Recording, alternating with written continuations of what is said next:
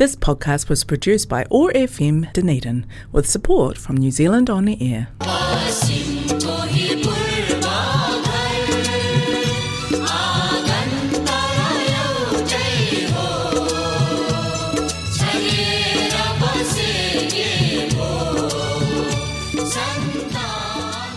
Now my हारे my नमस्ते हरेक मङ्गलबार साँझको छत्तिस बजे प्रसारण हुने ओटागो एक्सेस रेडियोबाट सञ्चालित कार्यक्रम हाम्रो आवाजमा म आर्दना रेग्मीको सम्पूर्ण श्रोताहरूमा हार्दिक अभिवादन। आज मङ्गलबार इस्वी सन् दुई हजार तेइस जनवरी दस तारिक तदनुसार विक्रम सम्वत दुई हजार उनासी पौष छब्बिस गते। डुनेडन नेपाली समाजको प्रस्तुति रहेको कार्यक्रम हाम्रो आवाजलाई प्रायोजन गरेको छ कनेक्टिङ कल्चर एथनिक कम्युनिटिजले कार्यक्रम हाम्रो आवाज ओटागो एक्सेस रेडियो एक सय पाँच थोप्लो चार मेगा हर्जमा हरेक मङ्गलबार न्युजिल्यान्डको समय अनुसार साँझ छत्तिस बजेदेखि सात बजेसम्म सुन्न सक्नुहुनेछ भने पोडकास्ट तथा आइटुन्सबाट तपाईँले चाहेको बेलामा सुन्न सक्नुहुनेछ। गत साल मैले ओटागो एक्सेस रेडियोको कार्यक्रम हाम्रो आवाजमा केही कार्यक्रमहरू प्रस्तुत गरेकी थिएँ। पहिलेको कार्यक्रमभन्दा आजको कार्यक्रम अलिक फरक रहनेछ। म एउटा बाल उपन्यास वाचन गर्दैछु। अब प्रस्तुत छ। गोपाल पौडेलले लेख्नु भएको बाल उपन्यास माछाहरूको सहरको भाग एक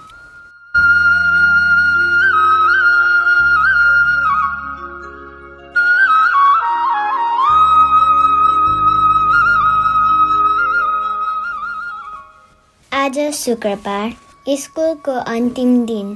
भोलिदेखि स्कुल एक महिनाको लागि बिदा हुँदै थियो।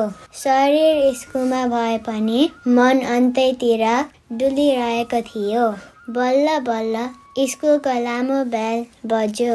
सबैजना हतपत झोला बोकेर बाहिर दौडिए। म पनि जुत्ता हातमा बोकेर दौडिएँ। दादा रमन मलाई बाहिर पर्खिरहेको रहेछ। ऊ पनि धेरै खुसी देखिन्थ्यो।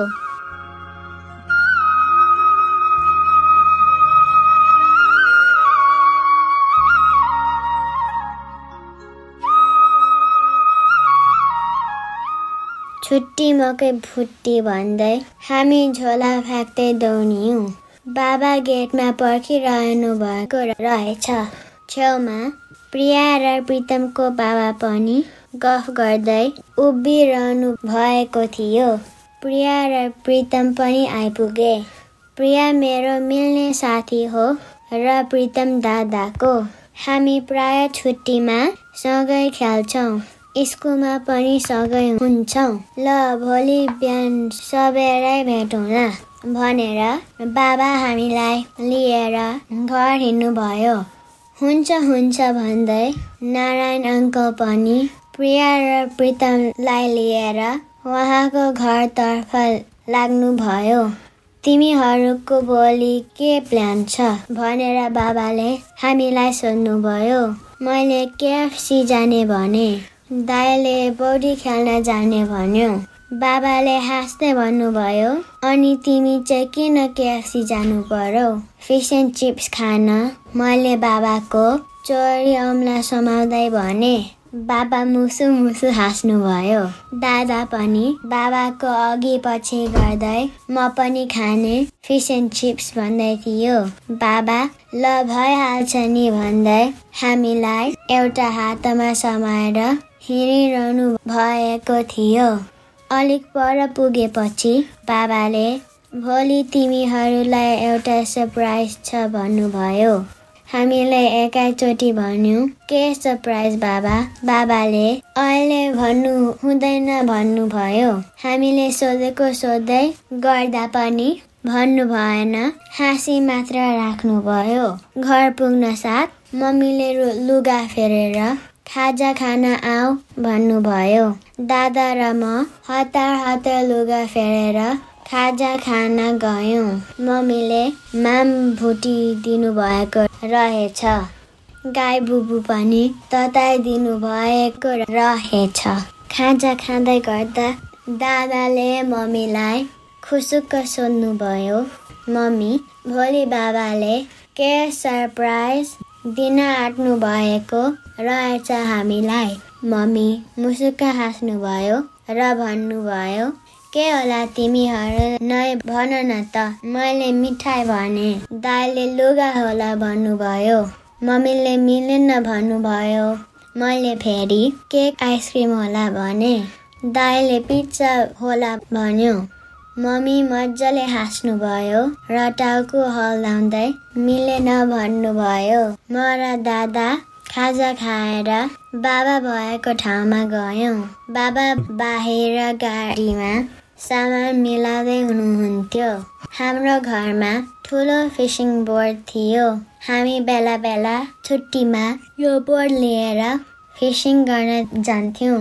आज पनि बाबाले यही फिसिङ बोर्ड सफा गर्दै हुनुहुन्थ्यो।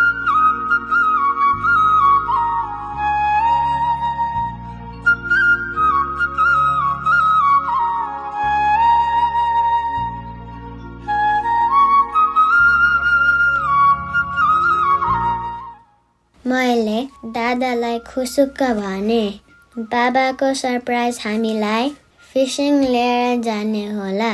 दादाले पनि टाउको हलाउँदै होला होला भन्यो। बाबाले ल तिमीहरूको फिसिङ रड खेलाउनहरू कहाँ छ खोजेर ल्याऊ भोलि बिहानै हामी क्याम्पिङ जानुपर्छ र क्याम्पिङमा फिसिङ पनि गर्नुपर्छ। दादा र म खुसीले उफ्रिँदै हाम्रो खेलाउन बल्छी पौडी खेल्ने सामान खोज्न दौडियौँ। ग्यारेजको पछाडि राखेको थियो। हतार हतार खोज्यौँ र बाबालाई दियौँ। मम्मीले खानेकुराहरू ठिक पार्न थाल्नुभयो। बाबाले सबै सामान मिलाएर गाडीमा प्याक गर्नुभयो। हामीले पनि बाबालाई प्याक गर्न सघायौँ। एक दुई घन्टा लगाएर सबै सामान प्याक गरिसकियो। बाबाले टिमवर्कको लागि धन्यवाद भन्नुभयो। बेलुका हामी कहाँ जाने? को को जाने? के के लाने? के के गर्ने? यस्तै गफ भयो। नारायण अङ्कल र रमेश अङ्कलको परिवार पनि आउनु भएको थियो।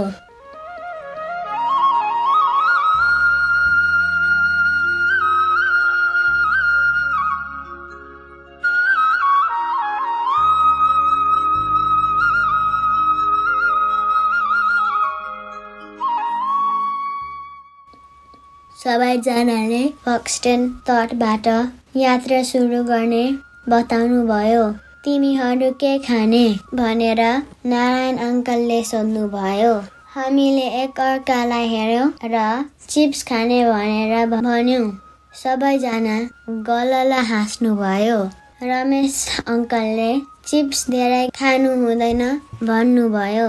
केही समय पछाडि मम्मीले चिया पकाएर ल्याउनु भयो चिया खाइसकेपछि सबैजना आफ्नो घर लाग्नुभयो। हिँड्ने बेलामा बाबाले भोलि चाँडै हिँड्नुपर्छ है भन्नुभयो।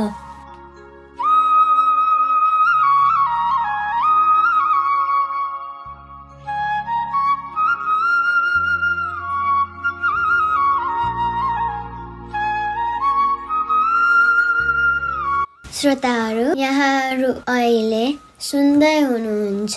कार्यक्रम हाम्रो आवाज अटाको एक्सेस रेडियो एक सय पाँच थोप्लो चार मेगा हर्जमा अब म यसै उपन्यासको भाग दुई पढ्दैछु। धेरै पछाडि फिसिङ जान पाएर होला। दादा र मेरो भुइँमा खुट्टा थिएन। हामी अरू बेला भन्दा चाँडै उठ्यौँ। खासै भन्नुपर्छ भने खुसीले निन्द्रै लागेन। प्राय दादा र म यसो गर्नुपर्छ उसो गर्नुपर्छ भनेर आधा रातसम्म गफ गरेका थियौँ। दादा भने पहिला पनि बाबासँग फिसिङ गरिसकेको थियो तर मेरो भने पहिलो पटक थियो। त्यही भएर होला दादा भन्दा म धेरै उत्साहित थिएँ।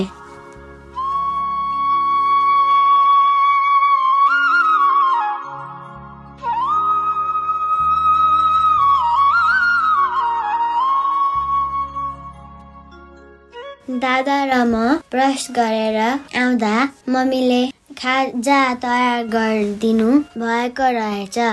हामीले छिटो छिटो खाजा खायौँ। बाबा अघि खाजा खाइसकेर बाहिर रहल पहल सामान मिलाउँदै हुनुहुन्थ्यो। बाबाले तिमीहरूको गम्बुट सनहाट पौडी खेल्ने लुगा पनि बोक्नुपर्छ भन्नुभयो। दादा उसको लुगा लिन भित्र कोठामा दौडियो। मैले मम्मीलाई भने मम्मीले मेरो लुगा ब्यागमा अघि नै लगाइदिनु भएको रहेछ। दादा पनि उसको सामान ब्यागमा बोकेर आयो। मम्मीले भाँडाकुटी सानो बेल्चा पनि गाडीमा राखिदिनु भएको रहेछ।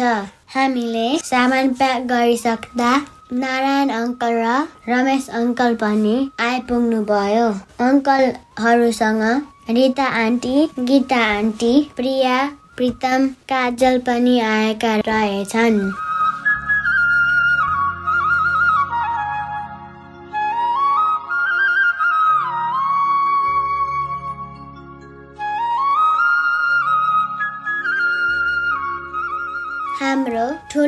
सात सिटे गाडी पुरा भरिएको थियो। पछाडिका दुईवटा सिट होल्ड गर्दा पनि सामान आँटी नआँटी थियो। बाबा ड्राइभर मम्मी अगाडिको सिटमा बाबाको दायाँपट्टि बस्नुभयो। म र दादा पछाडि बस्यौँ। म पाँच वर्ष मात्र पुगेकोले बुस्टर सिटमा बस्नु पर्थ्यो। तर दादा नौ वर्ष पुगिसकेकाले पर्दैन थियो।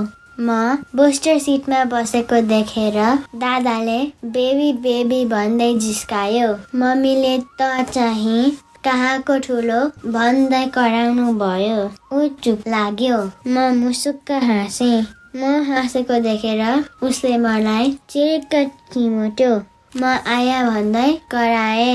बाबाले पछाडिको ऐना हेर्दै के भयो भनेर सोध्नुभयो म बोल्न खोज्दै थिएँ उसले मलाई मिठाई देखाएर नभन्न इसारा गर्यो मिठाई देख्ने बित्तिकै म नजानिदो पाराले चुप लागेर बसेँ उसले मलाई मिठाई दियो म खुसी भएँ हामीले हाई फाइभ गऱ्यौँ उता बाबा मम्मी पनि हामीलाई हेर्दै मुसु मुसु हाँस्नुभयो अनि हामी सबै मजाले हाँस्यौँ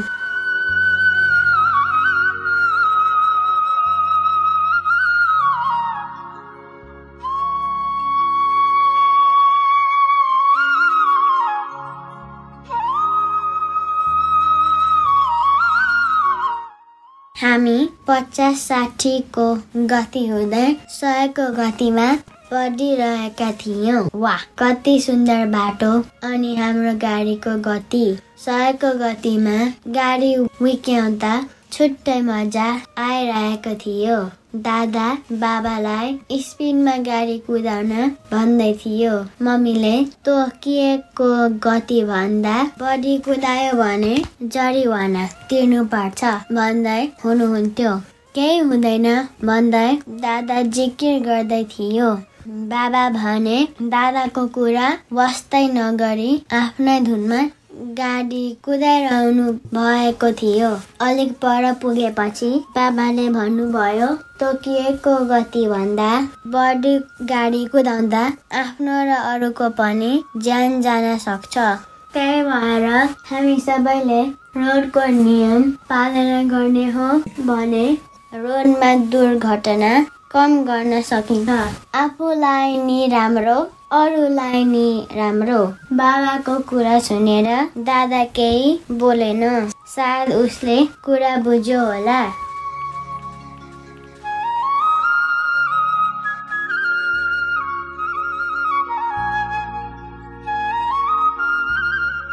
बाहिर घाम झलमल्ल लागिरहेको थियो। बिहानीको घाम ताप्न भेडा बाख्रा निस्किन थालिसकेका थिए। कतै सेता भेडाहरू कतै काला कतै खैरा बाख्राहरू चरिरहेका थिए। कतै गोरुहरू त कतै हरिण मृगहरू। मान्छे भन्ने कता कता फाटफुट मात्र देखिन्थे। दादा र म यिनै भेडा बाख्रा गाई बस्तु हेर्दै रमाइरहेका थियौँ। हाम्रो अघि पछि थुप्रै गाडीहरू फिसिङ बोर्ड लिएर समुद्र तटतिर गइरहेका देखिन्थे। कुनै साना कुनै ठुला फिसिङ बोर्ड अघि पछि देख्दा लाग्थ्यो आज सबै माझी दाईहरू माछा मार्ने खेलमा सहभागिता जनाउन हतारिँदै हिँडिरहेका छन्। कोही कोही त पन्ध्र दिनको लागि बास बस्ने गरी हिँडे जस्तो पनि देखिन्थे। दादा र म भेडा बाख्रा छोडेर यिनै फिसिङ बोर्डहरू गर्न थाल्यौँ। एक दुई तिन चार पाँच छ सात आठ नौ दस आदि। नारायण अङ्कल र रमेश अङ्कल पनि हाम्रो पछि पछि आइरहनु भएको थियो। केही पर पुगेपछि दादाले कसको धेरै गाडी भन्ने खेल खेलौँ भन्यो मैले हुन्छ भने। बाबा र मम्मीले हामी पनि खेल्ने भन्नुभयो। दादाले कालो रङको गाडी मेरो भन्यो। मैले रातो भने मम्मीले सेतो भन्नुभयो। बाबाले निलो। हामी आँखा तन्काउँदै आफ्नो रङको गाडी सडकमा कहिले आउँछ भन्दै हेरिरह्यौँ। आउने बित्तिकै मेरो एक दुई भन्दै चिच्याइ चिच्याइ कराउँथ्यौँ। आफ्नो आउँदा खुसी लाग्थ्यो। अरूको आउँदा आरिस। यसो गर्दा गर्दै हामी पत्तै नपाए फक्सटन तटमा पुगिसकेका छौँ। बाटो टुङ्गिएर समुद्रको निलो पानी देख्दा पो जसँगै भयो। फक्सटन तटमा धेरै मानिसहरू जम्मा भइसकेका रहेछन् कोही पौडी खेल्न कोही परिवारसँग घुम्न कोही हामी जस्तै फिसिङ गर्न। बाबा र अङ्कलहरू फिसिङ बोट तयार गर्न थाल्नुभयो। हामी केटाकेटी भने बालुवाको घर बनाउन थाल्यौँ। मम्मी पनि हामीलाई पर पर नजानु है। भन्दै हाम्रो नजिकै बस्नुभयो। मम्मीसँग रिता र गीता आन्टीहरू पनि आउनुभयो। रिता आन्टीले आकाशतिर हेर्दै कस्तो राम्रो दिन है आज भन्नुभयो।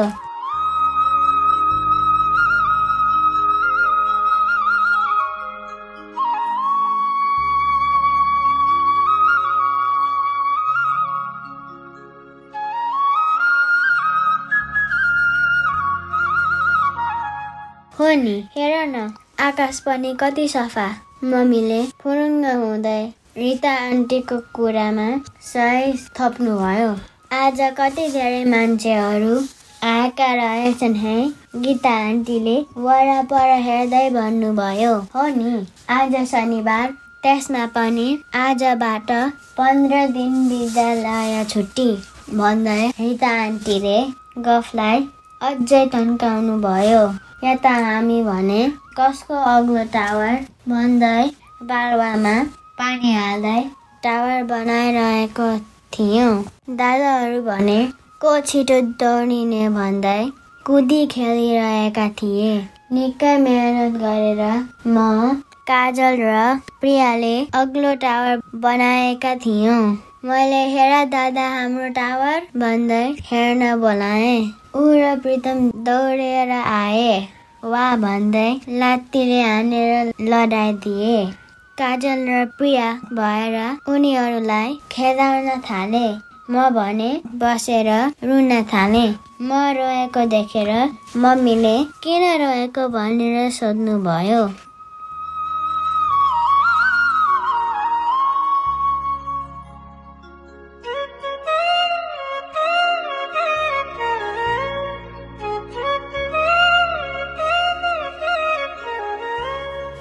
मैले लडेको टावर देखाउँदै दादा र प्रितम भएर लडाइदिए भने यस्तो बालुवाको टावर लड्दा पनि रुने हो त?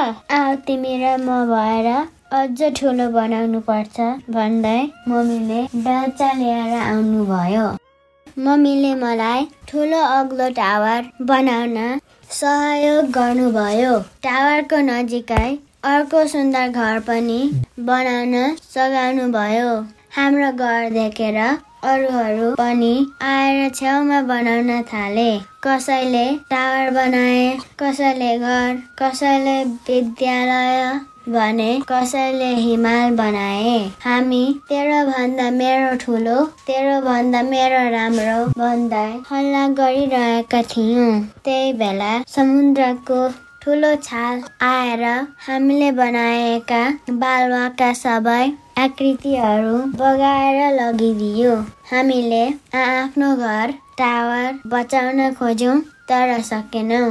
बरु उल्टै हामीलाई पनि पानीले भिजाएर गयो। हामीले फेरि अलिक पर गएर बनायौँ। त्यहाँ पनि छालले भगाइदियो छालसँग रिस उठ्यो तर के गर्नु? छालले बुझेन। ल हामी सबै भएर यो छाललाई खेदाउँ भन्यो दाजुले। ल ल हुन्छ भन्दै हामी सबै छाल भएतिर दौडियौँ। छाल पनि हामीलाई जिस्काउँदै भाग्दै थियो। कस्तो रमाइलो भयो। छालसँग खेल्दा खेल्दै हामी त लपक्कै भिजिसकेछौँ।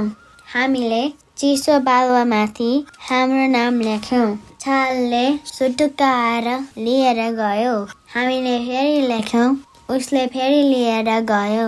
दादा र प्रितमले ठुलो मायाको चिन्ह बनाए तर छालले यो पनि लिएर गयो।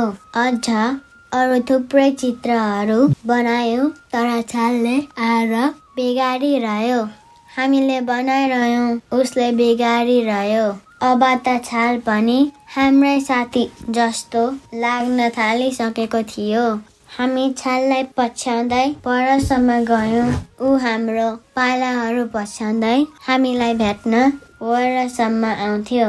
हामी उसलाई पछ्याउँथौँ ऊ हामीलाई पछ्याउँथ्यौँ। सानो सानो छाललाई हामी पत्याउन छाडिसकेका थियौँ। तर पहाड जस्तै ठुलो भएर आउने छालसँग भने नभए नभए भाग्थ्यौँ।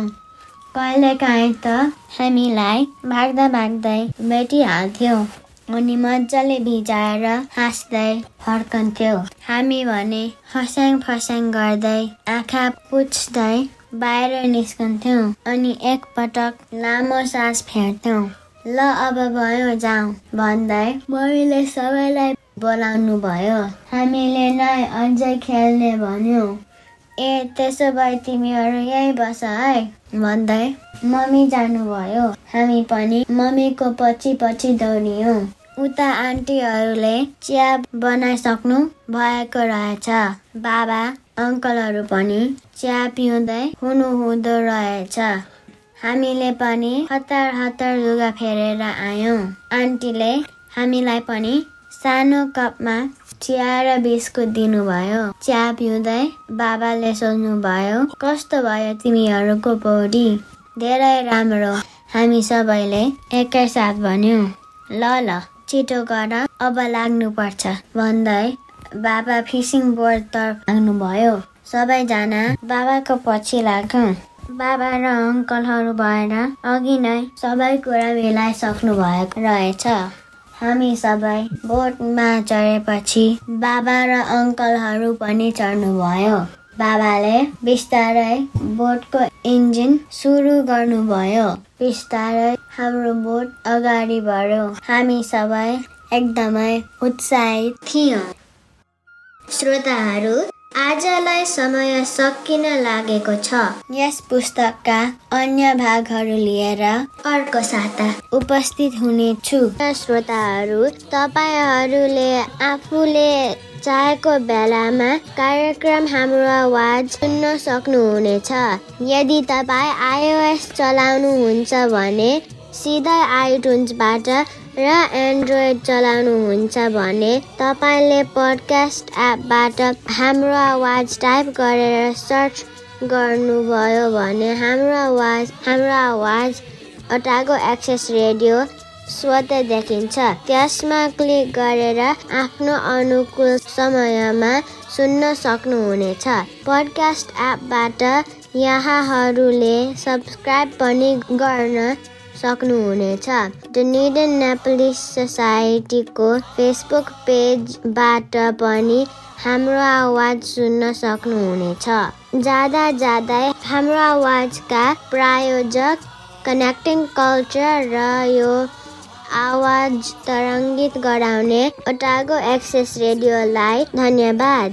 त्यस्तै गरी उपन्यासकार श्री गोपाल पौडेललाई उपन्यास उपलब्ध गराउनु भएकोमा धेरै धन्यवाद भन्दै आउँदो मङ्गलबार साँझ छत्तिस बजे फेरि भेट्ने बाचाका साथ प्राविधिक मित्र जेफ र म आर्दैन रेग्मी